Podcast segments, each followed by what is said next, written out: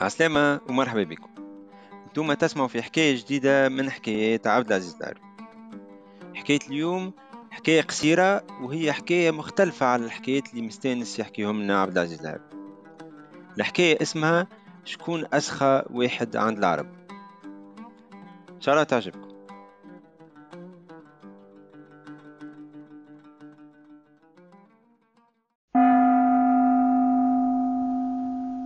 الكرم متاع العرب والجود والسخاء وإكرام الضيف. هذه أمور مشهورة في الدنيا الكل. ومنول الدنيا ومن زمان الجاهلية. وحاتم الطاية حكايات الجود متاعه تتنقلها الأجيال وما زالت مش تتنقلها أجيال. وفي زمانه وبعد موته العرب بداو يتباراو كل واحد ماذا به يكون أكرم من حاتم ولا بالقليلة كيفه. حتى ولات زمانتها شبه أموضة وقداش من عربي تلقاه عريان يقولوا لك هذاك فلان الفلاني. كان أغنى واحد من في قبيلته أما تكرم بها الكل وهيك حالته. وحديث العرب في هاك الزمان هذاك. أما على الفروسية ولا على الشعر ولا على الكرم. انهار قدام الكعبة المكرمة. ثلاثة من الناس يتحدثوا حتى جبدوا الجود والكرم. قال واحد منهم في أيامنا اليوم أسخى إنسان في بلاد العروبة هو عراب الأوسي. قام الثاني قال هي هي حتى شيء. أما قيس بن سعد.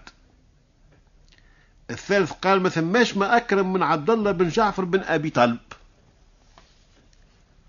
كل واحد شد صحيح في كلامه علات أصواتهم مش يوليوا يتعاركوا. واحد قاعد بحذاهم قال أنتم أنتم الواحد عليكم هالنقب الضيق.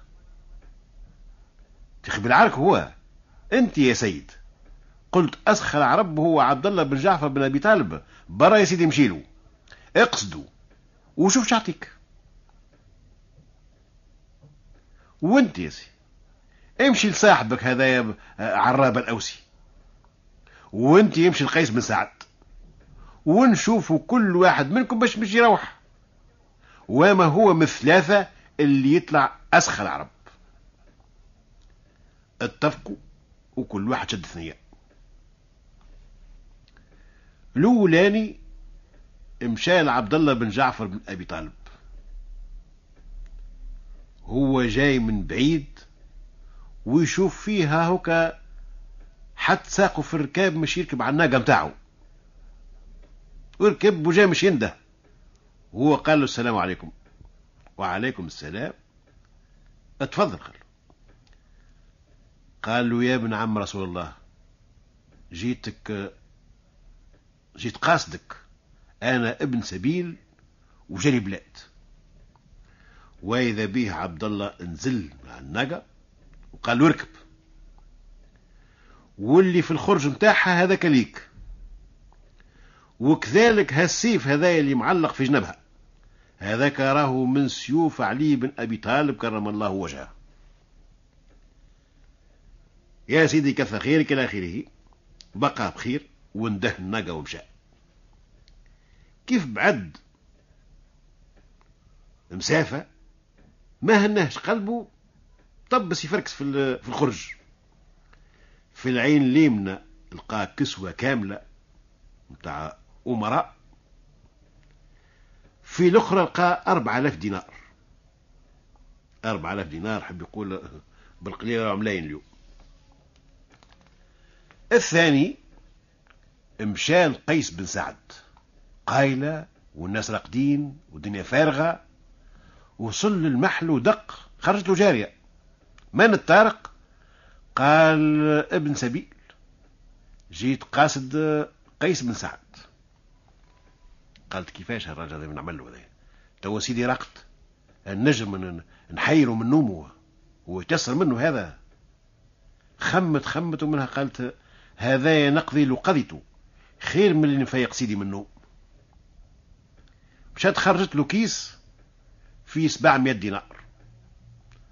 قالت له ربي هو العالم سيدي هاك اللي يكسبه لو كان تدخل فركس المحل الكل ما تلقاش فيه دينار آخر.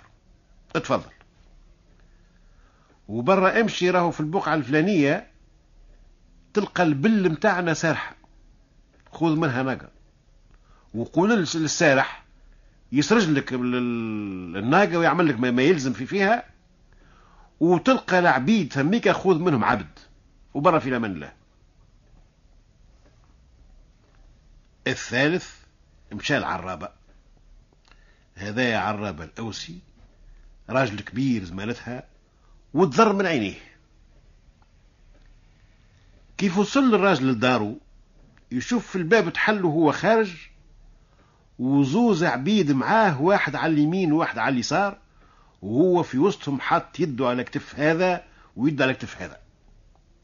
الاثنين منهم يدلوا فيه منه متكي عليهم على خاطر الصحيحة ولات على قدها. وخارج من الدار ماشي للجامع. السلام عليكم وعليكم السلام. شكون يا خويا؟ قال له أنا ابن سبيل. وجالي بلاد جيت قاصدك. قال على مراد الله ما عادش عندي مال. والثروة متاعي وفات أما هاو. هما زوز عبيد ما قلنا واحد على يمين وواحد على يسار وهو رامي يديه على كتف هذا ولا كتف هذا. هز يديه وقالوا تفضل خذهم. قالوا لا عاد كيفاش أنت ما تنجمش بلا بيهم؟ قالوا تأخذهم ولا ما تأخذهمش أنا عندي كيف كيف. أما أنا اعتقتهم. على كل حال وهم أحرار. وبدا مادد يديه حتى وصل للحيط حط يده على الحيط وبدا ماشي معاه رجع المحلو وبطل من الصلاة في الجامع. الجماعة مو متفقين مش يتقابلوا في الكعبة بعد جمعة ولا نص شهر كما نقولوا اتلقاو في الموعد وحضروا الناس وكل حد حكى حكايته. واتفقوا الناس الكل على كونه عرابة هو أسخل عرب في هاك الزمان على خاطر إضرير وراجل كبير وما عنده إلا هاك الزوز غصفان كما يقولوا هما يديه هما ساقيه وتكرم بهم ولا يتلمس في الحيط باش يروح لدارو.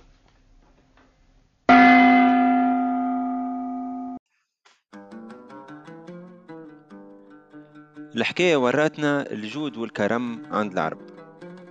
إن شاء الله حكاية اليوم تكون عجبتكم. نرجع لكم في حكاية جدد في لي بروشان في الأمان